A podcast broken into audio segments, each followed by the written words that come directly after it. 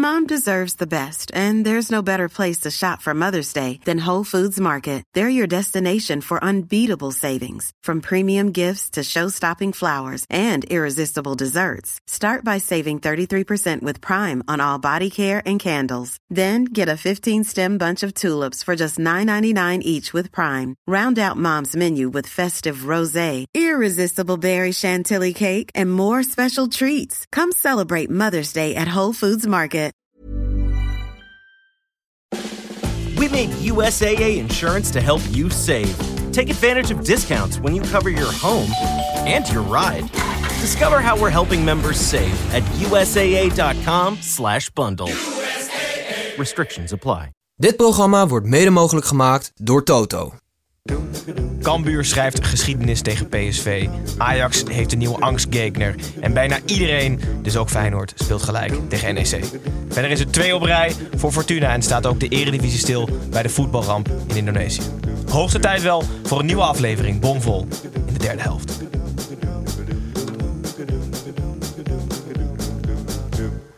Give the, give the, give the cup. Hey, give the cup today to, the, to Ajax. Laat mijn jongens niet stikken. Nooit van mijn leven. Die waren gewoon kansloos, die lieve schatten.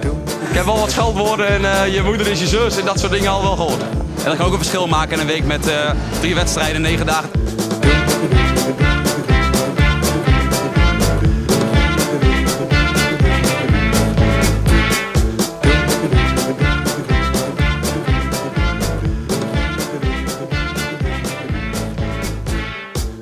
Goedenavond kijkers van de YouTube livestream. Hallo kijkers van de TikTok livestream en luisteraars van de podcast. Ik ben Gijs en welkom terug bij weer een nieuwe aflevering van de derde helft, de Eredivisie podcast. En waarin wij de gehele speelronde nabeschouwen. Alle 18 teams, alle 9 potjes zou ik zeggen, maar er is vanavond een 8 uur wedstrijd. Dus dat doen we op een iets andere manier. Daarover later meer. Uh, Snijboon is vandaag afwezig. Wat betekent dat Tim en Pepijn gewoon aanwezig zijn. En als vierde aan tafel commentator Vincent Schildkamp terug. Net als vorig seizoen weer Snijbel vervangen. Volgens mij Ja. heb je nog steeds niet het Geen idee idee dat, wie het is. dat die bestaat. Nee, die, volgens mij bestaat die helemaal Nee. niet. Kan je volgende week weer? Als dat jullie verlost van Snijboom. Dan, eh, Welkom terug. Vorige keer eh, dat je hier was, kon je auto nauwelijks, nauwelijks kwijt. Er stond een lauwe cola op je te wachten. Was Ja. het deze keer iets beter? nee, het gaat veel beter, ja. Sowieso is de, de verbinding op de tv is veel beter. Jullie, was ook jullie hebben zo. me verteld waar ik daadwerkelijk wel kan parkeren in deze stad.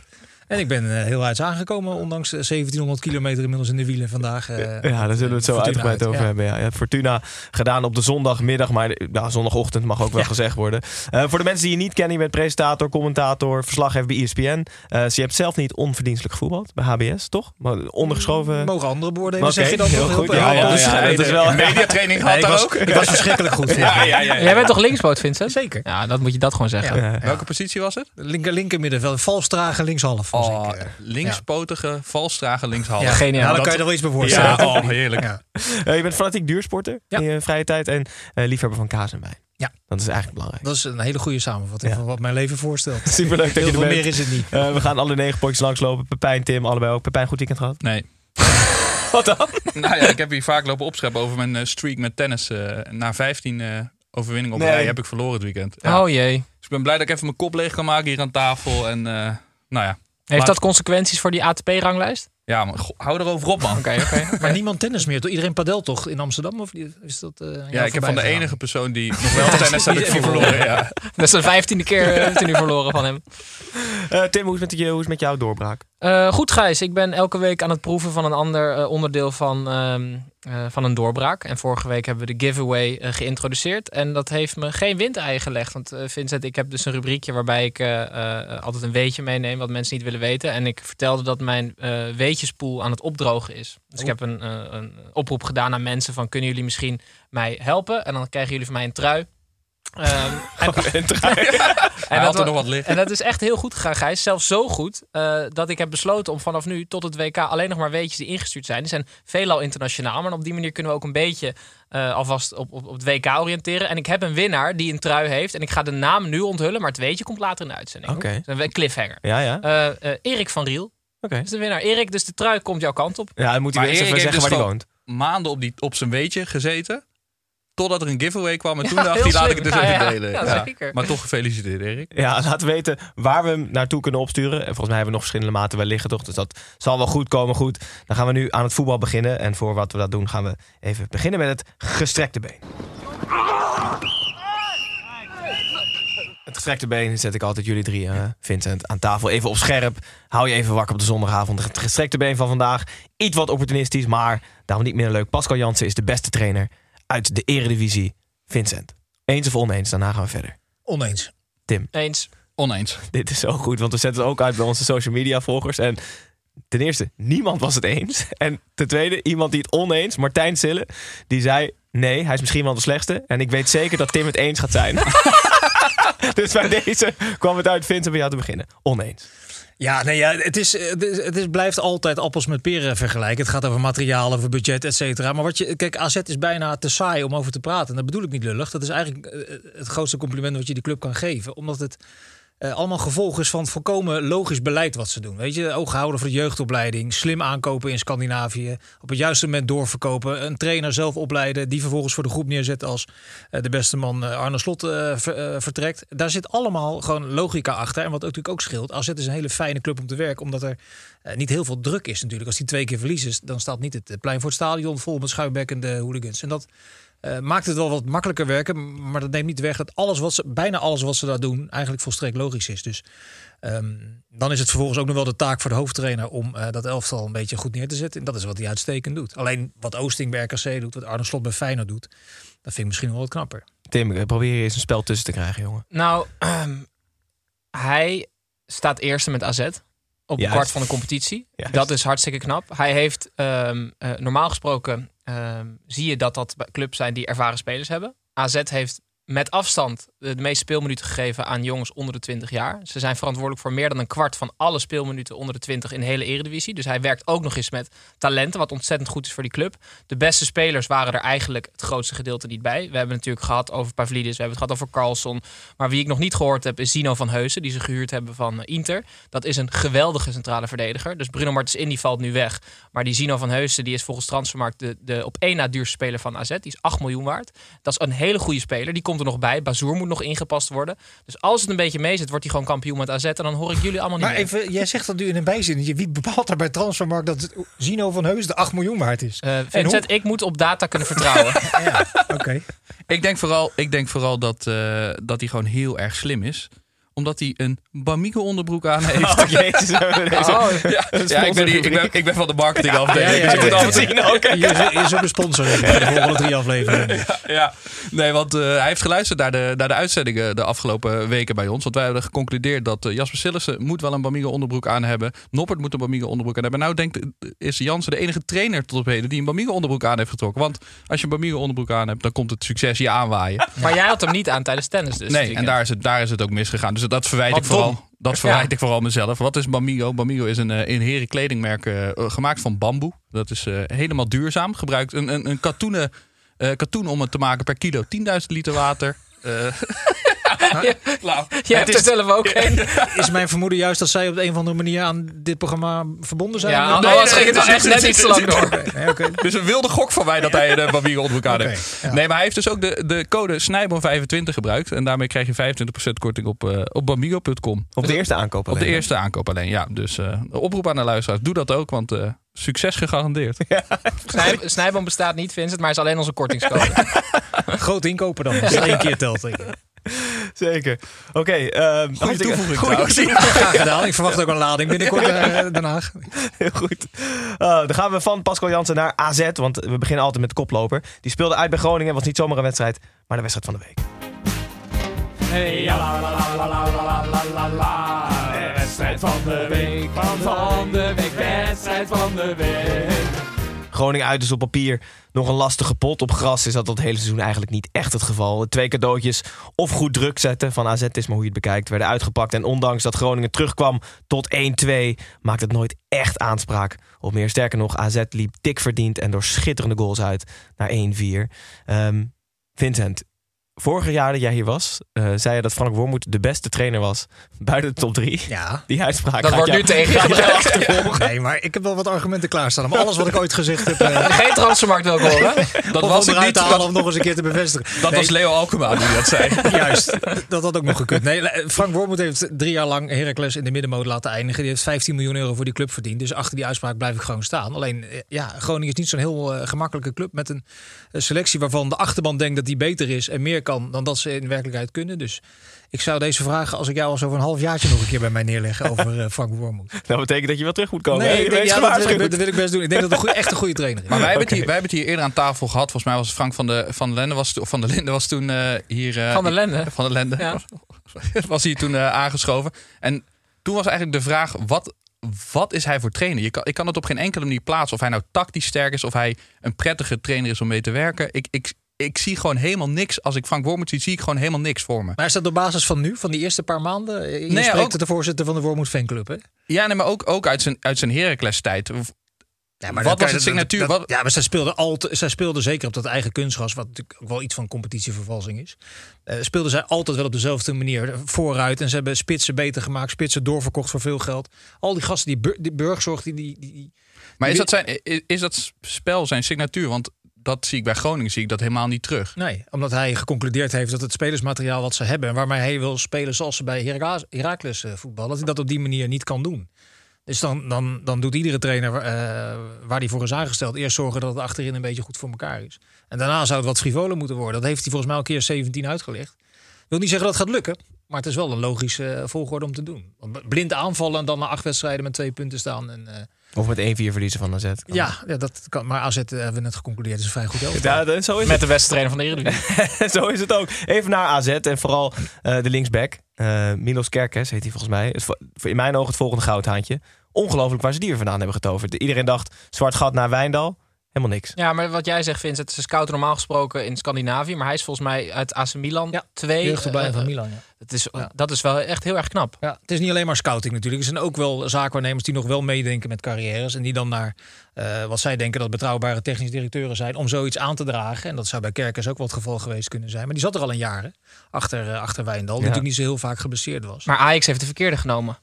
Als ik, als ik ze zo zie. Nee, maar dat meen ik serieus. Ik denk dat hij... voor volgende week. Ja, oh, Oké, dan ga ik er nu niks meer over zeggen. inderdaad zijn stelling kunnen. Ja, het is natuurlijk ontzettend opportunistisch om dat zo te stellen. Die jongen speelt eh, vrij van druk. Die komt achter een eh, international in dat elftal terecht. Of niet helemaal vrij van druk. Het is ook niet zo dat ze bij AZ helemaal niet hoeven te presteren. Begrijp me niet verkeerd. Veel plezier, Maar jongens. wel- Elke wedstrijd. Ja, ja, ga je gang en eh, maak er maar wat van. Nee, maar deze jongen heeft ook een, een soort natuurlijke bravoure. Dat, dat, zie je aan zijn spel. Die, die heeft weinig complexen. Die denkt niet na over wat er zou kunnen gebeuren als het eventueel even een paar wedstrijden niet loopt. Die, die gaat gewoon voetballen. En dat, dat spat er vanaf. Het is echt gewoon een hele getalenteerde jongen. Ja, en vijf jaar jonger dan Wijndal, hè? Ja. En Blind speelt nu bij Ajax. Ze hadden, ze hadden hem, hem moeten nemen. Hadden, over twee jaar was hij dan top geweest bij Dat ze Ajax. allebei moeten. Allebei, ook goed. Ja. Opportunisme. Nee, Maar wat jij, eerder, toe. wat jij eerder zei, dat, dat het meest saaie club is om over te spreken, AZ, Ja. dat, daar ben ik het wel echt helemaal mee eens. Maar ze zijn zo niet ja, maar jongens, Ik laten vind- we nou eens een keer genieten van een club die Nee, normaal dat- gerund wordt. Maar dat is juist, Ja, dat- maar dat, dat is juist mijn punt- dat was genieten. mijn punt ook, Ja, hè? Dat is juist punt. iets positiefs. Ja. Het, ik vind ze zo niet arrogant ook. Ze staan nu eerste, wat natuurlijk eh, ontzettend knap eh, Ongeslagen. Ongeslagen eerste. En ik vind ze gewoon niks eraan is arrogant. De Nee. spelers op het veld niet, de club niet, de trainer niet. Ja, ik, eh, ik, ik ben aan het genieten, Tim. Van dat een wil, niet dat wil arrogant- ik, dat Nou, wil heel ik goed. zeggen. Van een niet arrogant AZ gaan we naar een club die volgens sommige mensen wel wat arrogant is. Ajax. Ajax speelde thuis tegen de Go Ahead Eagles. Eh, vorig jaar verloor Ajax vijf punten aan de Eagles. Je zou dus denken dat een gewaarschuwd man telt voor twee. En blijkbaar tellen elf gewaarschuwde mannen niet voor twee. Want Ajax had, ondanks veel balbezit, weer moeite met de Eagles. Klaassen tikte dan nog wel Ajax op voorsprong. Maar Go Ahead sneakte langs zij en won. Door deze 1-1 won het eigenlijk een punt. Tim, hoe kan nou zoiets? Oh, ik kan het wel verklaren hoor. Oh, natuurlijk. ik noem even wat namen. Pasveer, Pasveer, Rens, Timber, Bessie, Taylor, Klaassen, Grilic, Ocampos, Brobby en Tadic. Dat, is, dat zijn tien spelers van FC Voorspelbaar. Eh, alleen Daley Blind is degene die wat, die wat onvoorspelbaars met een bal kan doen. Eh, er is niemand die iets spannends kan doen behalve Blind. En Blind blonk daarin ook echt uit gisteren. Maar dat is eh, in in de laatste linie. Dus daar word je niet gevaarlijk. Ajax heeft veel te weinig kans gecreëerd. Anthony is uit dat elftal gehaald voor 100 miljoen. Dan hebben ze iemand gekocht. Ocampos. Dat is fysiek een beest. Gehuurd, toch? Ja, sorry, gehuurd. Maar die, die doet niks raars met een bal. Niet iets spannends. En ik ben bang dat eh, Alfred Schreuder eh, als laptoptrainer met, met die Kaltenbach ernaast, die, die houden heel erg van eh, tactical reliable players, zoals Schmid dat altijd noemde. Maar zij vinden het heel moeilijk, denk ik, om te werken met van die Samba-jongens. Het viel mij echt heel erg vies tegen. Kudus kan het wel, maar Bobby is gewoon een hele grote sterke jongen. Die duwt iedereen omver, maar die doet nooit iets spannends met een bal. Moet je maar eens opletten. Klaassen, je hebt er nog nooit iets zien doen waarvan je denkt... hé, hey, die had ik niet zien aankomen. Moet je maar eens opletten ook. Vincent, ik, zal- zie je glimlachen. Vincent, kan je Ja, ja, hier ergens in vinden, of niet? Ja, deels wel, zeker wel. Ehm, met het filiermes werd wel heel overtuigend Ja, maar uit, de- uit de keukenla eh, gehaald. Die heeft hij altijd in zijn broekzak. Ja, het is, Zo'n figuurzaagje om aan alle stoelpoten even te beginnen. Ja, nee, het is bij, als je het toch over opportunisme hebt, het is bij Ajax natuurlijk extreem dat het alle kanten op gaat. Een maand geleden eh, dreigden ze nog de Champions League te gaan winnen, geloof ik, na een overwinning op Rangers en daarna of daarvoor een veegpartij tegen Herenveen. En ze zouden in december eh, kampioen zijn. Nou, wat zijn we nu? Drie weken verder. Verloren bij Liverpool, verloren van AZ, gelijk tegen Go Ahead Eagles. En nu eh, was de stelling van vorige week volgens mij haalt Schreuder de kerst. Dus ja. Het zal toch wel ergens in het midden liggen, denk ik. Nee, maar het elftal, ik ben het wel met je Pasen. eens. Het elftal is natuurlijk wel, dat zit wel op een keerpunt met Tadic en met Blind. Ironie bij Blind is natuurlijk ook gisteren, je, wat je zegt is helemaal waar. Hij creëert continu iets als hij aan de bal is. Alleen hij is ook, en dat gaat er nooit meer uit, zo laconiek in het verdedigen dat hij gokt dat dingen goed aflopen. Ja. En daar ontstaat, Dat is het waar. niet helemaal zijn fout, er staan er nog drie te, kijken. Eh, maar wel is, is daar deels schuldig aan dat het doelpunt eh, eh, nog valt. Maar Ajax loopt natuurlijk het, loopt het ook vaak goed af als je bij een topclub speelt. Hij heeft natuurlijk veel al bij topclubs gespeeld in zijn Ja. leven. Maar dat is ook het enige wat hij zou kunnen. Ja, Mm, maar, maar denk je dat als zo'n situatie zich voordoet tegen Napoli, dat hij dan op dezelfde manier verdedigt als hij nu deed bij die tegengoal? Nee, dan is Nee, hij scherper en eh, meer beducht op het feit dat het wel eens niet goed zou kunnen aflopen. Nu denkt hij, nu staan er vier te kijken, denken, nou, dit loopt wel los. Maar om toch even, bij, eh, even Schreuder eh, langs, langzaam aan, de- aan het stoelpootje te beginnen. Ik, ik zie nog heel erg weinig terug wel van, de, van het genie wat hij zou moeten zijn geweest. In 2019 was het volgens mij dat hij dat, dat de hele tijd werd gezegd van ja, maar hij is het tactisch brein achter, Ja. het, succes, achter het succes van Ajax. Wat Tim zegt ben ik het wel mee eens. Ik zie zo weinig verrassend gebeuren op het veld. En dan, dan is het juiste taak als trainer om iets verrassends te doen. Om iets te gaan creëren of te forceren op Ja, maar zon- zonder Berghuis en zonder Kudus is dat gewoon echt heel moeilijk, denk ik. Maar hij stelt ze op. Hij stelt ook, ze ja. niet op in dit geval. Nee, nee, precies, daarom. Maar met deze opstelling, ja, dat, dan zou het inderdaad eh, het, het tactisch iets geniaals moeten komen. Dat, dat kwam niet. Vind Moet je het nog wel- steeds- moet je nog steeds wel ik vind winnen het van wel Coët. echt heel gemakkelijk om altijd maar die trainer aan te wijzen. Ik bedoel, Ajax heeft een ontzettend brede eh, selectie samengesteld voor de Eredivisie en de Champions League. Dat worden 60 wedstrijden waar ze eh, op de toppen van de kudde moeten presteren. Dus dat je dan 20 spelers eh, in zo'n groep zet die ook moeten kunnen, daar gaan we weer, van Gaal, leveren. Dat is ook niet, dat is niet zo gek dat dat gebeurt. Alleen het is, je kunt daar ook in doorslaan. Zo'n zo'n Ocampos aankoop. Ja, dat is voor een club als Ajax echt onbegrijpelijk. Als je er al drie hebt die op die rechtsbuitenpositie kunnen spelen. Je hebt een jeugdopleiding waar bijvoorbeeld Sontje Hansen nog in speelt. Je haalt dan een speler. Die wel wat kan creëren overigens. Zeker. Je haalt dan een speler van 28 met een miljoenen salaris. En die, die ga je dan eh, gebruiken voor wedstrijdjes thuis tegen Go Eagles. Een soort, je had toch vroeger die vrouw van die Filipijnse dictator, die, die Marcos. Die Hier moet je snijden over hebben. die, die duizend paar schoenen in de kast had staan. En dan nog duizend, duizend ten Oh, eerste ja. paar per se wilde hebben. Nou, zo gedraagt Ajax zich nu ook een beetje. Dat is echt wel... eh, Verdien jij bij in de RVC van Ajax of niet? nee. Oh, dat nee, niet. nee, zeker niet. Van Ajax heel veel naar de Eagles. Oh, ik vind het, Gijs, ik vind, kijk, eh, ze noemen angstgegner. Ja. Eh, ik vind het zo leuk. Want een, een angstgegner is dus een tegenstander waar je moeite mee hebt. Dat hoef ik jullie niet uit te leggen. Maar bij Ajax is dat vaak eh, Utrecht. Weet je, gewoon een club of AZ kan Ja. dat zijn. Gewoon grote clubs. Maar als een kleine club, echt een kleine club, een angstgegner wordt van het grote Ajax, maar dan vind ik dat schitterend. Ajax moet juist Go Ahead Eagles een angstgegner maken. Want de angstgegner betekent dat je er bang voor bent... Om, door eerder behaalde resultaten of niet behaalde Ja, resultaten. En nu hebben ze drie keer dus punten laten liggen. Dus nu zouden ze er bang voor moeten zijn. Want dan gaan ze er misschien wel punten tegen pakken. Als je nou steeds blijft zeggen... nee, dit is niet ons maar. Eagles. Ja, ja, ja. Dan gaat het weer mis. Ja. Superleuk. Ehm, Wist je inderdaad, trouwens dat de vader van Steven Berghuis, dat weet jij misschien Vincent, die is assistent Ja. daar bij Go Ahead. Zeker. En zijn broer En zijn ook. broer ook. Berghuis. En dan, heb Ja. je, en dan heb je Steven. Nou, dat is geweldig. Ja. Berghuis, familieuitje. Ja. Goed, gaan we door naar de nummer drie van de ranglijst. Dat is PSV inmiddels. En PSV speelde uit in Leeuwarden bij Cambuur. De uitspraak eh, voor alles is een eerste keer mocht er eens uit de kast gehaald worden. Cambuur won namelijk nog nooit van PSV totdat Sylvester van der Water het plastic bal opende met een absolute kanonskogel. Eh, daarna moest Keepersfout. PSV, keepersfout, daarna moest PSV, maar deed Cambuur het op de counter in de slotminuut en liep uit naar 3-0. Pepijn, hebben we de eerste club in crisis? Nee, nee, dat is dus het lekker. Ik denk dat, ik denk dat Van Nistelrooy nog een appje heeft gestuurd naar zowel Slot als eh, naar Schreuder van eh, hey, bedankt. Want het gaat nu helemaal niet meer over PSV dit weekend. Het gaat gewoon over de topclubs die het niet, eh, niet gehaald hebben. Ze hadden echt, ze hadden PSV gewoon helemaal het ravijn in kunnen trappen. Ajax en Feyenoord als ze gewoon allebei eh, hun, wedstrijdje, hun wedstrijdje gewonnen hadden. Dus ik denk dat Van Nistelrooy ontzettend blij is met de, met de voetbal eh, zaterdagavond en de voetbal zondag. Want die, ja, ik heb eigenlijk daarna vrij weinig meer eh, over gehoord. Ja, het is morgen even de, de Willy, eh, Willy podcast afwachten. Hoe ze, hoe ze aan, de, aan, de, aan de gaan zagen van Van Nistelrooy. Maar eh, nee, het is, nog geen, eh, het is nog geen crisis in Eindhoven. Maar ik, ik denk dat ze bij Cambuur gewoon geen enkel idee hebben wat daar nou precies gebeurd is. Eh, dit is Maar ik vind 3-0, dat is wel net iets te afgetekend of zo. Ja, je kan is- wel zeggen, het staat 1-0 afgetekend, ja. en dan ze gaan drukken en dan vallen, valt het 2-0 3-0. Maar dat vind ik denk ik te makkelijk, want ik vond Cambuur wel echt goed. Ja, de tweede helft waren ze inderdaad echt heel erg goed. Ik vond het vooral mooi dat na afloop eh, meerdere kroegen in Leeuwarden de selectie aan hebben geboden om gratis te gaan drinken. Dat, Ja, de, maar het leukste daarvan is dat een trainer trapt dan normaal op zijn rem. Jongens mogen twee biertjes drinken en dan moeten ze toch. En deze trainer zegt: eh, plankgas naar het café. Ja, morgen, morgen vrij. En ik zie jullie over 48 uur wel weer. Maar dit zijn ook van die kroegeigenaren die Ja. dat dan in alle euforie eh, beloven. Dan vandaag ze naar die rekening kijken. Shit, ze kunnen wel drinken Ja. hoor. Saté hoe, en bier. hoe werkt dat? Zeg maar, hebben ze echt iedereen aan een polsbandje? Ik zit bij kamp. Mogen alleen de spelers die gespeeld hebben? Of bij de Misschien als je selectie een hebben gezeten? om hebt of zo, dat je naar binnen kan. Gewoon eh, hele je dikke mensen. Ik speel met Cambuur. ik ben creatieve nummer 10. Langzame superleuk. links half, uh, linksbenen. Kom maar door. Ja, supermooi. Dus schitterend voor Cambuur, 3-0. En PSV inmiddels afgezakt naar plek 3 op de ranglijst. Eh, maken wij een klein stapje naar buiten de lijnen. Edwin, Kevin hier, buitenspel. Ik hoor je niet voor alles. Stem op eens. Oké, Edwin. Edwin, buitenspel.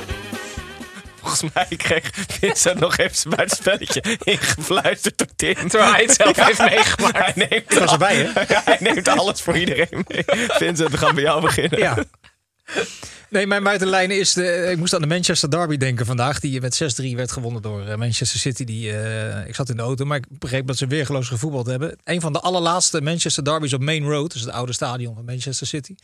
Daar moest ik voor mijn toenmalige, mocht ik voor mijn toenmalige werkgever naartoe. Dat was denk ik 2002, 2003 of zoiets. En bij Manchester City speelde toen... Voordat die miljarden binnenkwamen daar. Gerard Wiekens, nog als oud Veendam voetballer.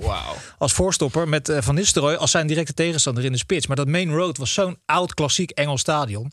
Daar was helemaal geen, geen, geen ruimte voor al de pers die daarop afkwam. Want dat was toen een beetje booming. Dat werd toen wat, wat groter. Dus ik werd in een hoek ergens op die perstribune gezet. Echt bij de ter hoogte van de cornervlag. En vlak voordat die wedstrijd begint waren er nog, was er nog één stoeltje naast mij vrij. En ik zie twee heren aankomen lopen. Waarvan ik er één toch echt herkende als Bobby Charlton. De Manchester United icoon, legende. Een van de allergrootste spelers die ze daar ooit gehad hebben. Die was daar in dienst van Manchester United TV. Die ze komt daar met de reporter aanlopen. Maar er was nog één stoeltje. En die kijkt zo en die zegt tegen mij: That fits, son. En die gaat gewoon half op mijn schoot zitten. Dus ik heb een Manchester Derby verslagen met Bobby Charlton 90 minuten lang half op mijn schoot. Wat Ik vet, denk niet dat er En City won. zeggen. Weekend speelde Van Nistelrooy uit, de uit de wedstrijd. Ik dacht dat het 3-1 werd. Twee keer Sean Goater, Engelse goud. Ja. Deed je dan wel eens die microfoon naar Bobby of niet? Nee, ja, maar jij, jij, jij, eh, in, in de voorbereiding op deze podcast eh, stuurde je mij een appje. Eh, zijn er momenten geweest dat je tijdens je carrière jezelf in je arm hebt geknepen? Nou, dat, dat was er wel eentje. ja, ik shit. met Bobby Charlton op schoot zat. Ja. verzin je niet op de school van gymnastiek. Nee, dat verzin je. En hoe ging dat dan in de rust? Gingen jullie dan... Ja, Hij ble- hij bleef ging, gewoon nee, zitten. hij, ging thee, hij ging thee halen voor mij.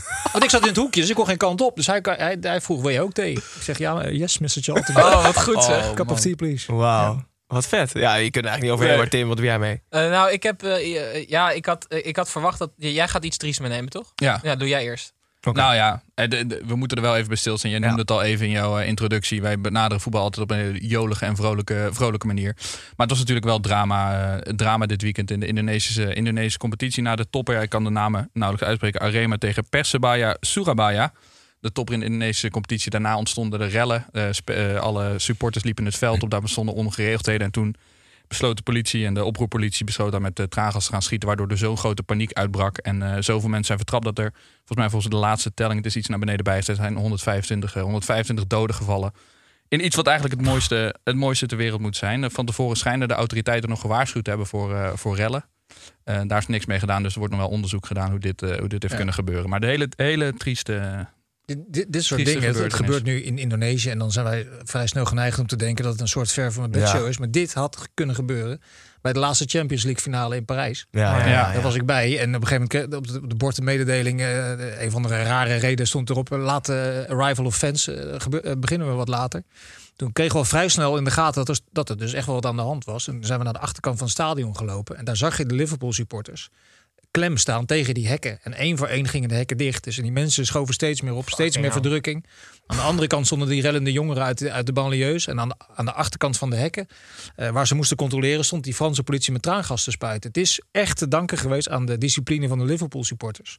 Dat daar geen doden zijn gevallen. Ja. Het is, Ja. was waanzinnig Dat om te zien. ook dat hele, dat- hele enge beelden waren dat inderdaad. Ja. Zo'n verdrukking.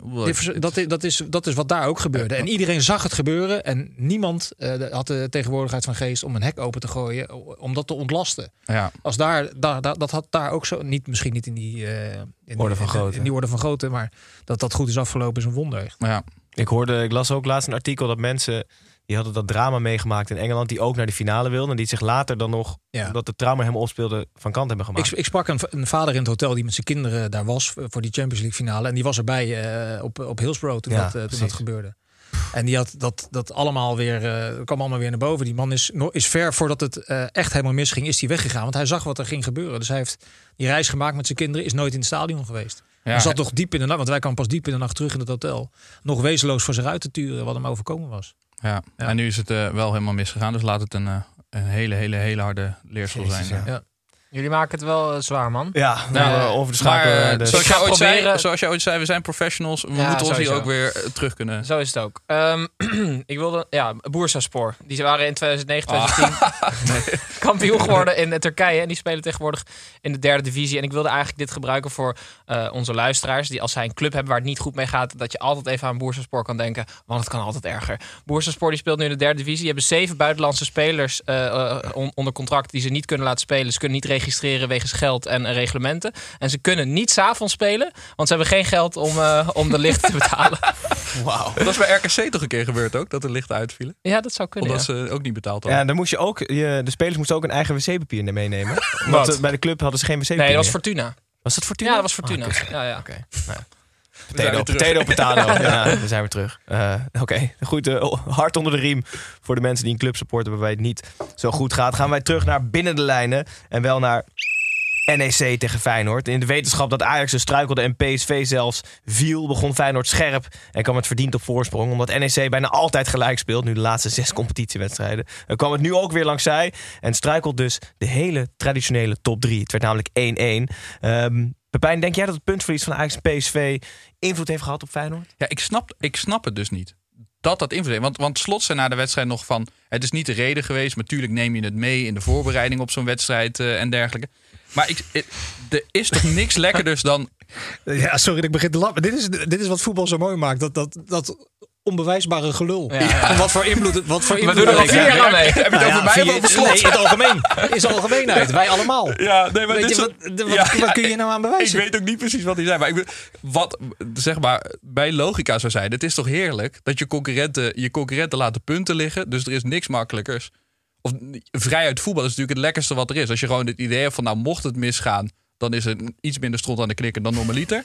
En, nu, en als het goed gaat dan pakken we, maken we een hele grote slag.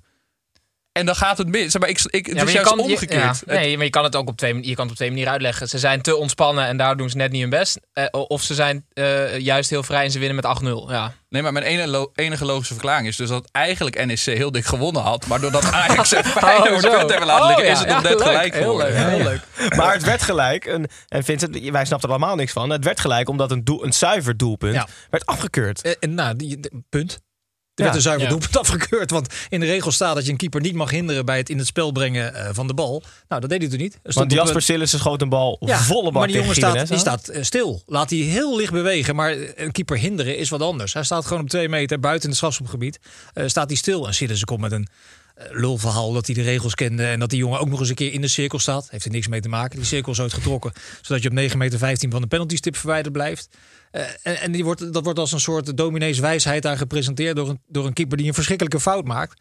En gewoon heel goed wegkomt dat de scheidsrechter. De fout van de scheids was Ik groter. denk dat die scheidsrechter, ik kan het niet bewijzen, want ik heb het eh, volgens mij niet in één beeld zien staan. De scheidsrechter dat hij eh, met, zijn zijn rug, dat hij wegdraait, want zo'n situatie was het. Dus als scheidsrechter ga je dan focussen op het luchtduel dat eraan komt tussen de voorstopper en, eh, en de spits. Dat hij het gewoon niet gezien heeft. Dat hij in een flits dat ziet. ja, maar Maar is, mag dit gevard ja, worden? dat wilde ik net zeggen. Nee, want die bal was, hij floot al voordat die bal over de lijn was. En dan kan een, een VAR kan niet ingrijpen op iets wat niet eh, Oh. direct de rode kaart of een Nee, goal. tuurlijk, of dat, ja. Hij heeft al gefloten, stil. Gelul. Ja, dus de VAR kan niet ingrijpen. Mag ik nog wat kwijt over deze wedstrijd? Ja, die keepershirts van NEC. die hadden, ze, ze hebben dus roze keepershirts. En dat was om aandacht te trekken voor, Gijs, vrouwelijk, eh, borstkanker? Ja, tegen, tegen borstkanker, ja. Die doen dus alsof eh, roze shirts iets heel erg eh, speciaals en bijzonders is. Nou, het is Pink Ribbon, hè? Dus dat is de organisatie. Ja, maar er zijn, Gijs, er zijn heel veel clubs die roze shirts hebben. Dus als je echt aandacht wilt trekken, doe dan even iets leuks met die. Weet je, je hebt toch Doorzichtig gewoon- shirt. Nee, je hebt toch van die, van die eh, barbecue schorts, weet je wel. Dat je dan gewoon zo'n bloot lichaam of zo. Daar wil ik ze dan in zien. En dan gaat het aandacht trekken. Maar een roze keepershirt, volgens mij pas weer altijd in een roze shirt. Oh, zo bedoel je. Dus dat als mensen die dat niet weten van die actie, ja, die denken... dan ja, heb je geen idee. Of ga gewoon in een soort mascotte pink ribbon, weet je Ja. wel. Dan, dan trekt het aandacht. Er viel mij oké. nog, iets op tijdens. Een vraag, ik heb nog een vraag voor, eh, voor jullie. Wanneer, wat zijn zeg maar de criteria dat je een shirt mag kussen? Dat je het logo op de borst mag kussen na een doelpunt? Ja, het, het is dat je me dit vroeg. Dus het- ik heb ook een antwoord. Voor Anthony is het 12 minuten geloof Nou ik. ja, precies, Ja, dus maar- wat is het- wat, wat die Marquez die Ja. kussen hem 25 keer Ja. nadat hij eh, En nadat ik heb had? uitgezocht, hij heeft de 208 wedstrijden te vroeg gedaan.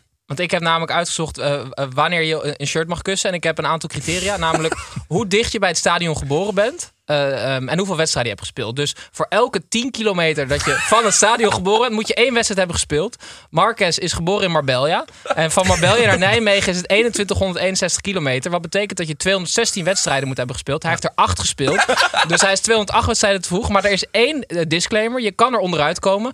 Eh, en dat is het salaris wat je verdient. Als dat meer is dan de salaris van je ouders bij elkaar opgeteld, dan ben je gevrijwaard. Dan mag je meteen. Dus dan klopt die van Anthony ook. Snap je? Dus dat is volgens mij de regel. Dan komt hij van Anthony ook, zeg jij. Ja, want ik denk dat hij bij United meer verdient dan zijn ouders bij elkaar. Dat vermoed ik ook wel.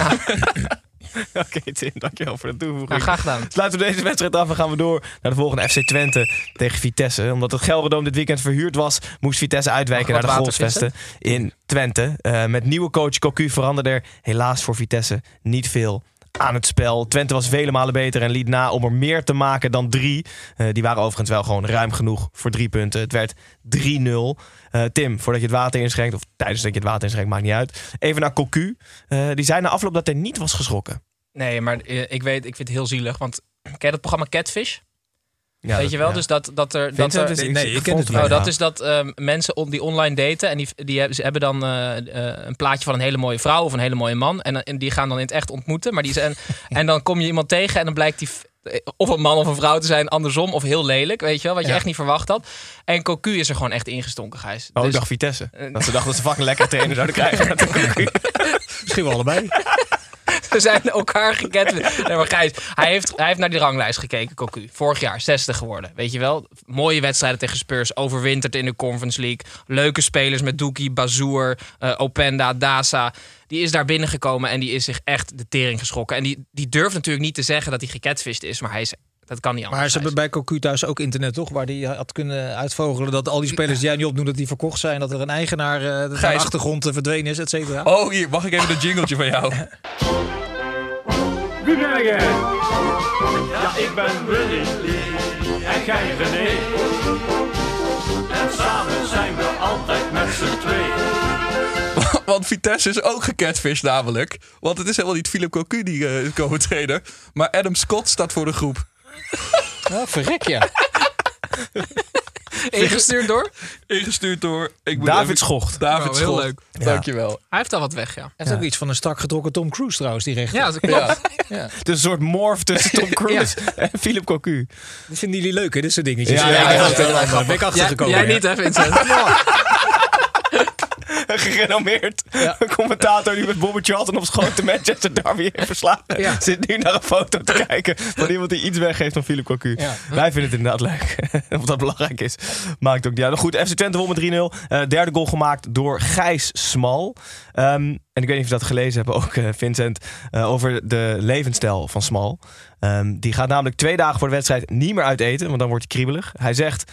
ehm, Even kijken, wat zei hij ook alweer? Oh ja, voor mij is het niet meer dan normaal. Het is je werk. Mensen kopen een kaartje om je te zien voetballen. Dan moet je het maximale doen om altijd topfit te zijn. Dus een dag voor de wedstrijd ga ik natuurlijk niet uit eten. Kook ik zelf, omdat ik wil weten wat er in de pan gaat. Eh, tijdens het seizoen ga ik niet op stap. Drinken doe ik ook niet. Hooguit een cocktailtje op vakantie met mijn vriendin. Ik douche regelmatig koud. Doe aan yoga. Lig altijd rond half elf in bed. Eet alleen kwaliteitsvlees van grasgevoerde koeien. Die lekker vrij in de wei hebben geleefd. Geen kiloknaller van de supermarkt. Op lange termijn kan je daar weer vijf procentjes mee winnen. Ik vond het wel mooi van Gijs. Nou, dat is alles wat ik eigenlijk ook doe. ja, voor commentator geldt hetzelfde. Ja, Eh, precies. Topvorm Maar Gijs, als je dit doet, hè, en je speelt bij Twente, Nou, hij gaat niet heel veel hoger komen. Ik weet niet hoe lang hij dit al doet. Maar Gijs Smal doet het echt heel erg goed. Ja, hij doet Ja, het, het hij is een doet goede het goed. speler. Hij doet een het linksback, ja. Ik had altijd het idee dat linksback de, meest, de, de schaarste positie was. Maar ik heb het idee dat er heel veel goede linksbacks... eh, Ja, vroeger werd toch de kneus van het elftal altijd op bek eh, gezet. ja, tenminste, toen, ik, toen ik klein was. dat is vrij lang geleden trouwens. Nee, weet je, of linksback of rechtsback. De twee slechtste spelers van het elftal waren de links- en de rechtsback. En nu moet je eh, spelverdeler, loopwonder en al, alles tegelijk Maar zijn. waar staan nu dan de kneusjes? Poeh, dat is een goeie. Dat is een. In de goal, denk ik. Niet rechtsbuiten, linksbuiten? Dan kan je het minst kwaad, toch? Mm, Als die, de, degene met de meeste tactische beperkingen staan wel vaak links of rechts ja. buiten. Ja. maar dat zijn wel de jongens die kunnen voetballen. Ik denk Centraal achterin is ook wel... eh, Nou, tegenwoordig is dat inderdaad ook wel een precaire plek. Ja. ja. Misschien kun je tegenwoordig ook als, als kneusje niet meer betaald voetbal halen. dat kan natuurlijk ook nog. Nee, dat zou heel goed kunnen. Ja. tien jaar geleden kon dat nog. Ja, niet meer. selectie. Goed, eh, sluiten we deze wedstrijd af. FC Twente gewoon razend knap, nog steeds vijfde. Ja, het, Ehm, het, eh, Jans zei het goed, we zijn de top van de subtop. Ja, leuk. Een punt achter Feyenoord. Gaan we door naar de volgende wedstrijd. Dat is Emmen-Heerenveen. En Emmen-Heerenveen is de 8 uur wedstrijd eh, van dit weekend. En omdat Tim voor zijn doorbraak altijd eh, gasten heeft om eh, aan te schuiven. En die willen we niet, god weet hoe laat, naar huis sturen. doen wij die wedstrijd niet. Vindt Maar- het is al 48 uur wakker, joh. Ja, het had makkelijk gekund. Ja, oké. We kunnen ook even wachten tot het. Nee, dat hoeft niet. Het wordt 1-3. Ja, heel goed. Nou, we voorspellen hem altijd even. Oh, Dus- oké. Dus eh, Vincent denkt 1-3. Eh, Tim? 2-2. Pepijn? 0-3. Sivkovic eerste doelpunt voorspel ik. Oké. Krijg je er gratis bij. Leuk. We gaan geen tussenstanden erbij pakken. Ehm, dus nou, dan weet u het in ieder geval. Gijs, Of jullie jij, kunnen jij voor kijken. als Emma-watcher? Ik denk 1-0 voor Emmen. Leuk. Oeh. Veendorp. Tuurlijk. Afgeslagen corner. Als het echt zo is. Oké, nou goed. Jullie kunnen ons of heel hard uitlachen eh, of eh, iets anders doen als het wel waar blijkt te zijn. En dan gaan we door naar een klein tussenstapje, Tim. En wel naar jouw tussenstapje. Of iemand dit nou weten wil. Dat boeit me niet ontzettend veel, want ik heb weer een weetje voor je mee. Ja, het is niet mijn eh, weetje, Nee. Het is eigenlijk het moment van Erik van Riel, die hiermee zijn Erik. trui heeft verdiend. het is een internationaal eh, weetje, jongens. Ga- we gaan namelijk naar Zuid-Afrika en we gaan ook naar de jaren 70. Eh, het gaat namelijk over Jomo Sono. Zeg je dat iets, Nee. eh, Vincent? Nee. Hij eh, speelde bij Orlando Pirates. En ehm, eh, eh, hij tijdens een wedstrijd had hij vrijgekregen omdat hij ging trouwen. Totdat zijn vader tijdens het huwelijk vertelde dat Orlando Pirates 2-0 achter stond, eh, verliet hij het huwelijk om naar de wedstrijd te gaan. En hij was in de rust, kwam hij aan. Hij viel in. drie, doel, drie assists en één doelpunt. 4-2 gewonnen. Ging daarna terug naar het huwelijk. Nee, dat is niet waar, man. Voor het huwelijksdiner. Ik heb het documentaire gezien. Ik heb echt alles erop nageslagen. Dit is waar. Ehm, het verhaal wordt nog iets bizarder. Nou, dit is eigenlijk al wel echt het bizarre. Ik vertel het niet goed. Maar hoe hij eh, begonnen is bij Orlando Pirates. Zijn vader eh, was Maar daar is die ooit- mevrouw blijven wachten? die heeft ja mevrouw is blijven wachten. Nee, ze hadden ja gezegd. Toen is hij gegaan. Oh. Daarna Gewoon terug. En daarna quickie. Iemand anders, zeg maar ja namens mij. Had hij zo'n pak wat hij één keer zo kan uittrekken. Zijn voetbalkleren eronder. Maar ehm, eh, zijn debuut bij Orlando Pirates, eh, hij was eigenlijk helemaal geen profvoetballer. En toen raakte een speler ge- geblesseerd en hij was aan het kijken. En toen zeiden ze, ja, jouw vader heeft bij ons in het eerste gespeeld. Kan jij anders niet even meedoen? En toen maakte hij meteen indruk en kreeg hij een plekje in de selectie. Mooi. Typisch jaren 70. Joe dit, hè? Mosono. Ja, Ja. goed hè? Vet verhaal. goed verhaal, Dat zeg. toch die, die jongen bij, eh, was het Sunderland, dat verhaal uit de Premier League. Dat die jongen, de trainer, ik dacht Graham Souness wijs had gemaakt dat hij eh, Ja, zeker. international was geweest en weet ik veel. Die had twee keer meegetraind. Toen hadden ze er eentje tekort en toen, die heeft hem laten invallen. En na, na 20 seconden hadden ze al gezien aan zijn motor dat het totaal geen profvoetballer was. Ik Was dit niet zijn weetje nou van vorige keer? Ja. Ja, ja kan je Ja. nagaan. Heel goed. Ja, Ding heeft bij de, weet je nou, die eh Soek was dat? Die bij Ajax, Ja. eh, die stond toch ook gewoon langs Ja. de lijn eh, elke dag Maar te die kon wel vragen. aardig ballen. Ja, dat was... eh, Maar jongens, Erik van Riel, complimenten toch? Ja, zeker. goed gedaan. Dus minstens een trui, Verdiende trui. Minstens een trui waard. Goed, eh, laatste drie wedstrijden van het weekend. Om te beginnen op het kunstgras in Rotterdam. Excelsior, FC Utrecht. Ehm, beide ploegen waren best wel aardig aan elkaar gewaagd. Omdat wedstrijden nog altijd worden beslist aan de hand van gemaakte doelpunten. Kreeg Utrecht de drie punten. Het werd namelijk 0-1. Eh, de derde driepunter in vier wedstrijden voor Fraser. Of Fraser. Excelsior voetbalt leuk mee, maar nogmaals krijg je geen punten voor. Tim, waarvan heb jij het meest genoten deze wedstrijd? Nou, deze wedstrijd van het interview van Mark van der Marel eigenlijk. Die ging namelijk... eh, ehm, die haalde Van Duinen neer. En die was zo verschrikkelijk eerlijk aan het eind. Dat hij zei van ja, ik heb gewoon geluk gehad. En we hebben eigenlijk te veel eh, gehad eh, met deze overwinning. Maar eh, als ik hem iets uitzoom deze week. Dat de linksback van Excelsior een prijs heeft gekregen voor grootste talent van de maand. van ESPN. Dat lijkt iets kleins. Maar het is wel echt een heel mooi moment. Want het zijn nooit spelers van Excelsior die die prijs krijgen. En ehm, nou ja, zoals je weet, Gijs, ben ik op voetbalmanager Excelsior geweest. En het staat daar. Ik vind het gewoon razend knap hoe ze dat hebben gedaan met de jeugdopleiding. Want Sparta en Feyenoord die hebben natuurlijk veel meer middelen. Alleen ze hebben met, met die ja, Chua On, waar het om gaat, dat is die linksback. Ze hebben eh, Seymour, die nog eh, twee weken geleden de winnende maakte. Julian Baas, speelt gewoon elke week. En Joshua Eigenraam is ook een hartstikke leuke speler. Even een kleine lansbreker voor, eh, voor de jeugdopleiding van Excelsior. Want het, het heeft altijd een beetje een lelijk eentje eh, imago. Maar eh, ja, het is een leuk lelijk eentje. Maar het geldt eigenlijk voor de hele club. Het is natuurlijk wonderlijk dat die eens in zoveel tijd in de Eredivisie spelen. Ja. Ze kukkelen er ook na een jaar of twee, drie eh, automatisch wel weer uit. Maar het is gewoon automatisch, Dat is, hè? ja, Dat is gewoon de ja, dat, dat kan ook niet anders. Als je kijkt naar eh, achterlandbegroting, eh, de concurrentie van Sparta en Feyenoord, is het, is het echt een wonder dat die eens in de zoveel tijd in de Eredivisie spelen. Ja. Je zou denken dat ze gewonnen hebben, maar ze verloren wel gewoon met 0-1. Ja, maar ik heb dus het idee dat FC Utrecht al 3,5 jaar niet in vorm is geweest. Dat hebben ze daar ook trouwens. Ja, maar, nee, maar ik krijg elke, elke week die interviews van... nou, deze snel vergeten, maar net gelijk of net gewonnen. En wel de, de bus in met die punten. Het is een, het, wanneer is het voor het laatst echt goed gegaan met FC Utrecht? Ik weet ook nooit waar ze staan. Maar als ik die hele ranglijst Ze- maar bekijk... ze staan altijd ze- ze staan altijd Ja. zevende. Ja, Ze daarom, staan je altijd ziet het, zevende. je ziet het niet meer. Ik denk zevende. Ja. zie je. Ja, maar wanneer is het voor het laatst goed gegaan? Was dat met onder Ten Hag, denk ik. Serieus, dat Ja. ze Europees haalden. Ja. Maar, maar de, het verwachtingspatroon klopt daar ook helemaal niet. Want ze, Nee, ze, halen allemaal subtopspelers. Nou, als je allemaal subtopspelers haalt, dan eindig je Maar het zonder, in de subtop. zonder. Zevende waarschijnlijk. Ja, zevende. Er zijn vijf ploegen Maar kan Van beter. Dan moet niet je, Twente kopen dan? Zeg maar, en dat hij dan al die spelers naar Utrecht haalt. ja, en Ron Jans. Dat zou de snelste Gewoon oplossing dat zijn. hele, geraamte, te dat hele geraamte weg. Gewoon alles. Stadion mee. Wat een geweldig idee. Dat idee niet opgekomen. een stuk goedkoper dan dat idee wat hij nu heeft. dat denk ik ook. Gewoon Twente kopen. Ja, goed. Oké, goed. Gaan we door naar de volgende wedstrijd. Dat is RKC tegen Sparta. Eh, Doelpuntenmachine RKC tegen de ploeg in vorm. Sparta of een beetje vorm. Was gewoon een leuke wedstrijd. RKC kwam twee keer voor. Sparta pakte een rode kaart en leek ten onder te gaan.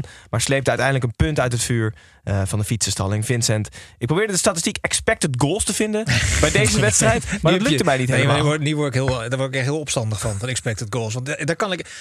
Kijk, alle statistieken. Er wordt heel veel gebruik gemaakt van statistieken die niet relevant zijn. Want je denkt in de wedstrijd, en dan krijg ik weer een appje van een statisticus. Die bedoelt het allemaal goed. Dat is overigens ook hun werk. Omdat, nee, maar ik, wil, ze- ik ga je ze zeker niet belachelijk maken. Want ze leveren het aan omdat zij denken dat iets toevoegt. Alleen dat is lang niet altijd het geval. En met die expected goals is het ook nog eens een keer zo dat je te maken hebt met een statistiek die, daar gaan we weer, niet bewijsbaar is. Wie bepaalt nou de waarde van een kans die om zeep wordt geholpen? Dat is in de praktijk een student die naar een scherm zit te kijken en denkt eh, met een half oog, ik heb net koffie gehaald.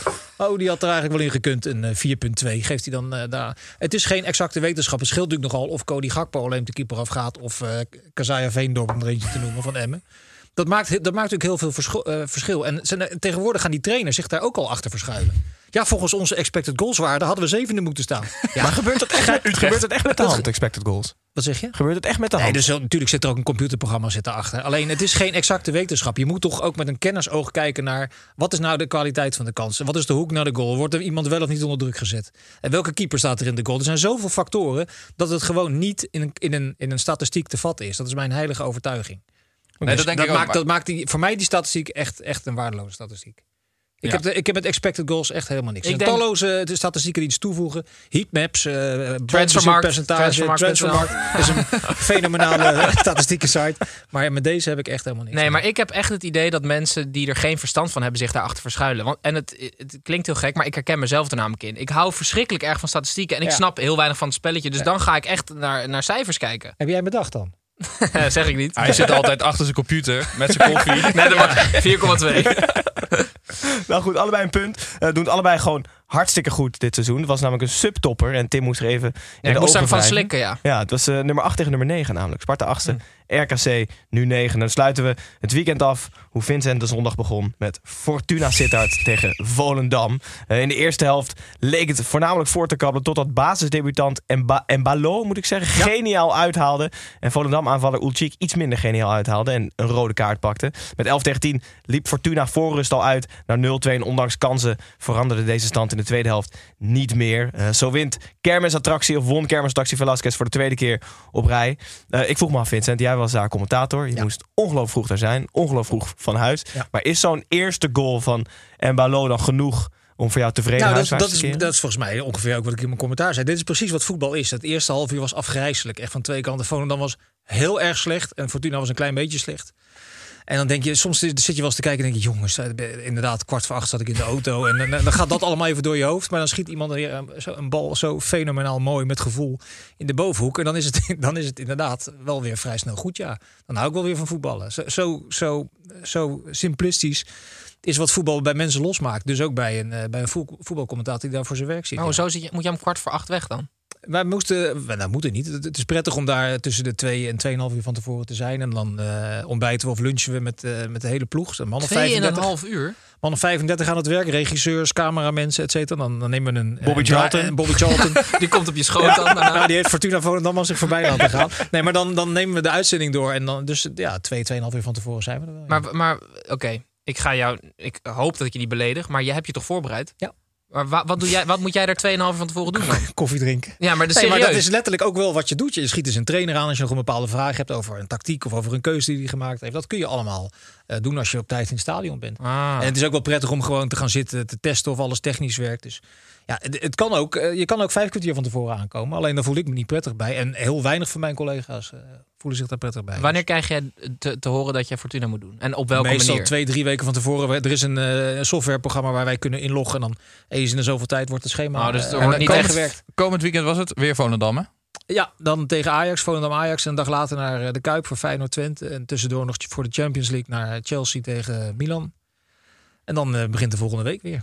Woont Dus dan er- gaat het door tot het WK. Ik geloof 13 wedstrijden in eh, 33 dagen. Het is topsport. Ja. Woont er iemand in de buurt van Sittard? Van de... Nou, mijn schoonmoeder. Nee, maar die geeft geen commentaar. Nee, die geeft geen commentaar. niet op Niet anders. Nee, maar dat is volgens mij wel de reden stil. dat die indeler mij regelmatig naar Sittard stuurt. Die denkt, ja, die kan toch bij zijn schoonmoeder Oh, ja. logeren. Dus eh, vandaar. Dan scoor ik ook nog eens, nog eens punten. Ja, heel goed. Vandaag niet zoveel als binnen 20 minuten was ik weer vertrokken. Dus- Ga gewoon, gewoon niet zeggen dat je daar voor werk komt. Nee, nee, nee ik was in de buurt. Hey, ehm, Gaat Volendam het redden even? Want je bent de volgende week eh, daar. Ja, ik had, eh, daar moet je dan bij blijven. Ik had voor het seizoen gezegd dat eh, Excelsior en Go Ahead mijn degradanten waren. Dus Volendam gaat het redden, ja. hij blijft bij zijn standpunt. Nee, je kunt er drie uit, toch? Daar, in theorie kunnen ze Ja, drie uit. Ja, Maar ze gaan het competitie, Ja, ik had nog één vraag. Hoeveel van de teksten bereid je voor voor een wedstrijd? nul. Want ik hoorde een uitspraak en volgens mij... Nee, ik hoorde hem. Ik hoorde hem. Dat was heel leuk. Volgens mij zei hij over Yilmaz alsof een Maserati in een Volkswijk eh, Ja, dat komt. Dat komt dan. Natuurlijk, als het een beetje een do- dode boel is in zijn wedstrijd, ga je wel eens op zoek naar wat. Zal ik eens een leuk zinnetje bouwen? Of eh, kan ik ergens een grapje kwijt? Moet je overigens humor in voetbalcommentaar moet je heel, heel, heel erg voorzichtig mee zijn. Er zijn mensen die dat veel beter kunnen, maar die staan hier verderop in carré. En Oh, ik dacht, die zit kleine hier aan tafel, Nee, nee, nee, nee, nee. Ja, dat ook. Graag gedaan, jongens.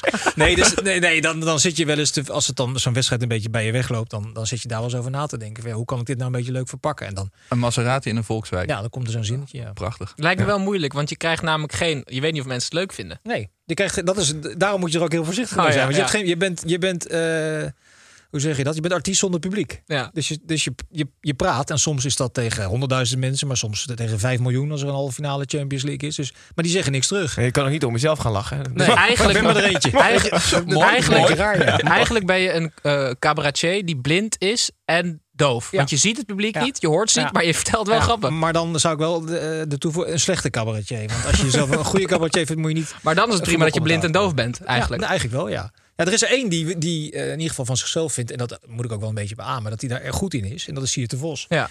Er zijn heel veel jonge commentatoren die ik ook wel eens begeleid heb. Die gaan dan die kant op. En dan zeg ik vrij snel, jongen, stop daar nou mee. Want er is er één die er echt goed in is. En dat is Siert de Vos. Die heeft volledig zijn eigen stijl erin ontwikkeld. En alles wat daar eh, gaat proberen om in de buurt te komen, dat, die redden het niet. Omdat hij daar gewoon de beste in is. Dus eh, ontwikkel nou vooral je eigen stijl. En ga niet proberen de tweede Siert de Vos te worden. Maar is dat een reden om niet de Siert de Vos route? Want er, er- ik kan me voorstellen dat iemand nog beter is dan Siert Vos. Ik niet, eerlijk gezegd. Nee. Nee, want hij heeft een, eh, een eh, enorme eh, feitenkennis. Hij is ongelooflijk taalvaardig. Hij heeft ook nog een klein beetje verstand van voetballen. Al sneeuwt het een beetje onder bij zijn restaurantgids die die, die, die, die, die op moet dissen. Nee, dus dat vind, nee, dat vind ik eerlijk gezegd niet. Nee, ik vind hem wel, wat dat betreft vind ik hem wel uniek in, zijn, in dit werk. Volgens mij zijn we al een stukje onderweg naar de persconferentie. Ja, volgens mij inmiddels. ook. Dat is wel een, een mooi natuurlijk brug. Maar we sluiten eerst even de achtste speelronde eh, af. In ieder geval voor ons is die afgesloten. Emmen en Heerenveen. eh, die zijn nog bezig. Zoals de luisteraars inmiddels gewend zijn, de vaste luisteraars of kijkers. Woensdag komt dus de persconferentie met Vincent online op YouTube en op Spotify. En vrijdag zullen Tim en Pepijn of Tim en ik of Tim en Snijboon ook weer in de toekomst kijken met voetbalmanager. Snijboon? Nee, dat is die. Snijboon 25. Op bamigo.com. ja, de eerste aankoop. Met voetbalmanager, dat is alleen te zien op YouTube. En dan volgende week ruilen wij Vincent in voor Robert Maaskant. Ehm, dus komt het zien op YouTube. ehm, of ehm, rond 8 uur of daarna gewoon op de podcast apps. Dus dank jullie wel voor het luisteren. Dank jullie wel voor het kijken. Tim- Abonneren, had je dat al gezegd? Tim bedankt. Pepijn bedankt, je kan abonneren. Vincent, superleuk dat je er weer was. We gaan nog heel even door met de persconferentie. En hopelijk eh, tot over een half jaar om jouw punt over Wormoed te onderstrepen. Zal er zijn. Dag.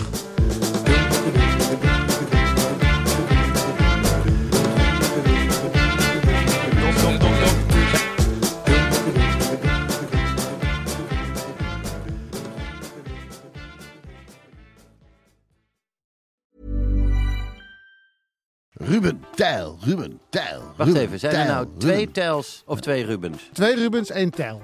Drie mannen. Eén midlife crisis. De meeste mannen dragen dan niks meer bij in de maatschappij. En die gaan motorrijden. Ja, maar wij nemen een podcast op. Dus luister. Om de vrijdag naar Ruben Tel. Ruben, De podcast.